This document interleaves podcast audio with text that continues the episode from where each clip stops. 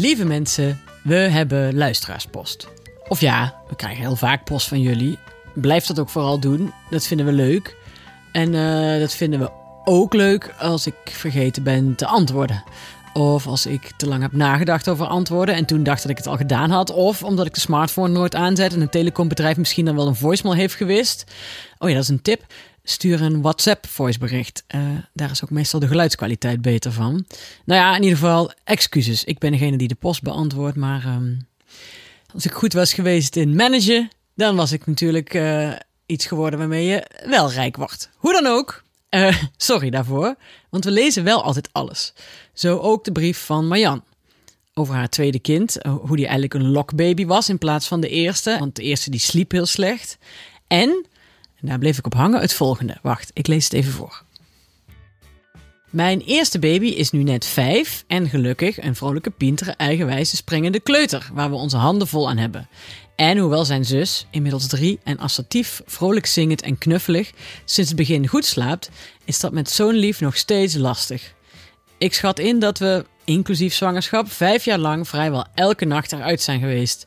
Variërend van twaalf keer tot één keer per nacht. Sinds een half jaar gaat het beter. We hebben de kinderen bij elkaar op de kamer gelegd in een hoekstapelbed. Onze zoon slaapt nu ineens door en wij voelen ons als herboren. Ik voel me wel een beetje schuldig naar onze dochter. Ze was eigenlijk erg blij met haar plekje en haar eigen kamer. En heeft het daar ook nog wel eens over. Dat hebben we haar nu afgenomen, denk ik wel eens. Maar echt moeilijk doet ze niet en doorslapen is ons toch wel zoveel waard dat we de situatie nu maar houden zoals ze is. Het belang van onze dochter is dus even ondergeschikt aan dat van onze zoon en ons. Ik ben benieuwd of jullie wel eens een vergelijkbare ervaring hebben gehad. Dat je voor de een het ene wil en voor de ander het andere. Hoe ga je er dan mee om? Ja, nou goed, ik heb dus een tijdje zitten nadenken en ik besloot om wat mensen te bellen voor advies.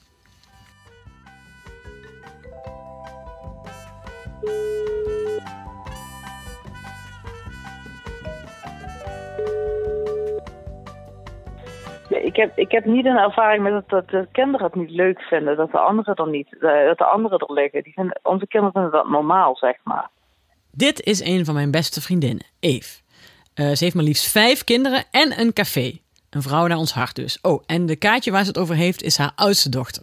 We gaan nou dus natuurlijk, uh, als het goed is, verhuizen. En dan verheugt Kaatje zich wel op zijn eigen kamer, maar die, heeft, ja, die wordt dan ook negen. Dus die, uh, ja, die heeft ook echt wel een leeftijd voor. Om, uh, maar die heeft gewoon niet zozeer behoefte aan alleen slapen, maar wel aan een, aan een plek die voor haarzelf is. Ik kan me niet voorstellen dat een kind van drie dat al heeft, eerlijk gezegd.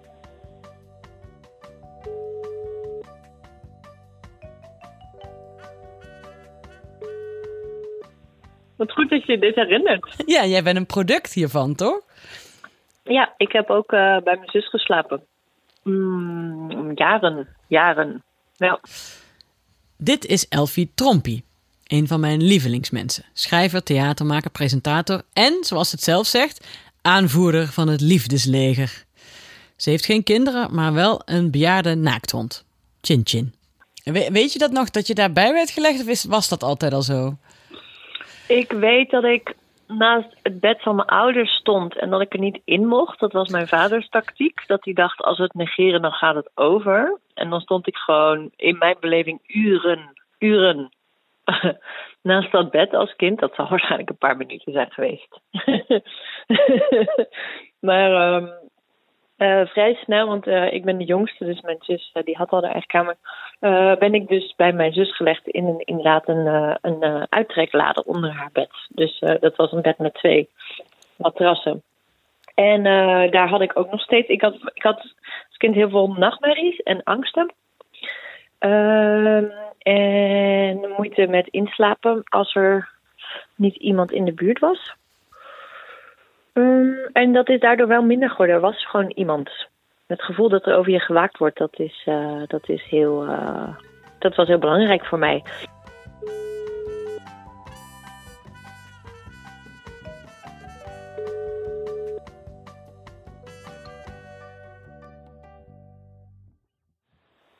Ja, dat zou ik ook doen. Slaap boven alles. Heel verstandig. Hoeveel slapen er bij jou bij elkaar? Uh, twee, omdat ze het leuk vinden. En dit is natuurlijk Christine. Uh, die hebben jullie al vaker gehoord. Ze is al vaker te gast geweest in onze uh, show. Uh, en voor wie haar nog nooit heeft gehoord, schaam je. Ga onze andere afleveringen luisteren. maar even korte uitleg. Christine is redacteur, hoofdredacteur zelfs. En heeft vijf kinderen en de zesde op komst. Ah ja, dus die, die zouden wel los kunnen slapen of...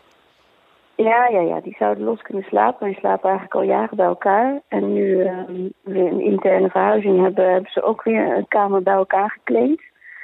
Dus nou ja, daar laten we dan maar zo. Op een gegeven moment kreeg mijn zus natuurlijk, raakte die in de puberteit. En dan moest ze ook, want toen zaten we nog allebei op de basisschool ook. Dat is wel het verschil. Dus mijn zus, toen ze naar de middelbare school ging, toen ben ik wel op mijn eigen kamer gelegd. Toen heb ik daar weer allerlei uh, doodsangsten uitgestaan. Maar, Echt? Want dan sliep je daar ook niet goed? Nee, maar toen had ik allerlei rituelen ontwikkeld. Dus ik had een soort.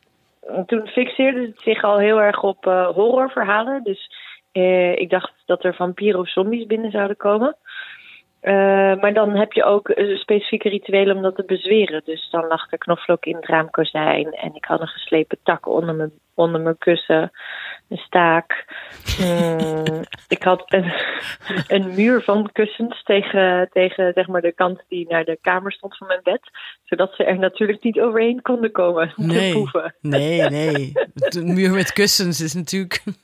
ja, daar kun je niet overheen. Onneembare vesting.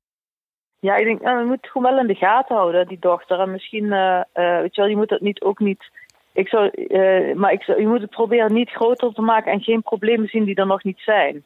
Zolang het kind het gewoon af en toe benoemt. En jij als moeder dan zegt van, goh, ja, dat kan ik me voorstellen. En dat gaat ook alweer een keer komen of zo, ik weet, weet ik veel. Ja. Maar je moet zelf niet in die, in die angst en dat schuldgevoel gaan zitten voor wat eventueel heel... Dan, dan ga je dan denk ik, dan kun je iets gaan creëren wat er eigenlijk nog niet is, zeg maar de situatie van Marianne is dan wel echt anders. Maar ik, ja, weet je wat ik wel. Je hebt wel. Ouders die willen ook wel vaak hun, hun, wat ze zelf zielig vinden een beetje projecteren op hun kinderen. Dus is het echt het kind dat klaagt of is het, zijn het de ouders die het eigenlijk zielig vinden? En dan zeg maar wat, wat, ze zielig vinden gaan, gaan projecteren op het kind. Snap je wat ik bedoel? Ja, ik snap wat je bedoelt, ja ik zou nooit zeggen, jouw angst is onzin. Ik zou die angst altijd. Kijk, die angst is nooit waar het zich aan hecht. De angst is dieper, de angst is existentiëler. Ja. Uh, dus die kan je niet wegnemen. Je kan er alleen wel hand en voet aan geven waardoor je ermee omgaat. Dus ik had als kind ook uh, stemmen die mij opdracht geven. Dit klinkt heel uh, duister en verontrustend. maar dat was onschuldig van niet op de naden van de tegels lopen. Of ehm, maar ook je mag je hand niet meer open doen of ernstiger, je mag niet meer eten. En dan uh, weet ik nog dat mijn moeder in plaats van te denken, oh dit kind is ziek of dit kind moet naar een psycholoog, ging ze dat gesprek gewoon met mij aan van laten we oefenen om met de stemmen te praten en daarmee te onderhandelen. Ja. Uh, dus ik heb leren onderhandelen met mijn angst. En daar ben ik mijn moeder heel dankbaar voor. Ja. Ah, en je bent uiteindelijk nog heel normaal opgedroogd met alles. Ja, ja, ik moet wel zeggen dat ik moeite heb gehad met slapen tot mijn dertigste. oh. Maar uh, ja, ik slaap nu met een naakthondje in bed. Hè. Ik, ik heb een hondje waar ik mee slaap in bed. Dus, uh, um, dus misschien een huisdier helpt ook. En dan het huisdier bij het bange kind laten slapen. Ik denk dat dieren er uh, sowieso altijd wel goed mee omgingen. Ja. Als het meisje van drie daar op een gegeven moment echt een probleem mee krijgt, dan deel je er dan mee. Maar als het nu gewoon voorlopig is dat ze zegt dat ze dat jammer vindt, nou, dan erken je dat. En dan zeg je ja. En, maar nu is het even zo. En uh, ja. Ja, ik weet niet. Er kunnen altijd van die redenen achter dingen zitten. En dan denk je als ouder, oh, dat is gewoon dat. En dat is echt heel zielig ook. Dat snap ik ook. En dan blijkt het echt om een ding te gaan dat je denkt, ja, jezus.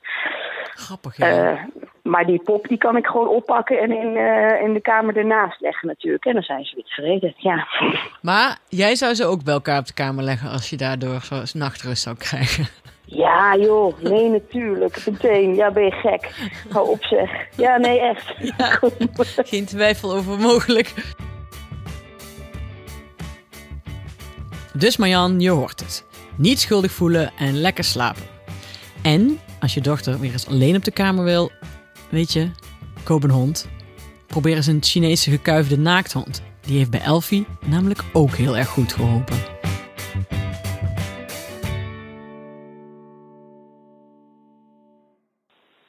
Ja. En niet in het schuldgevoel. Dat is echt wel funest voor alles. Ja.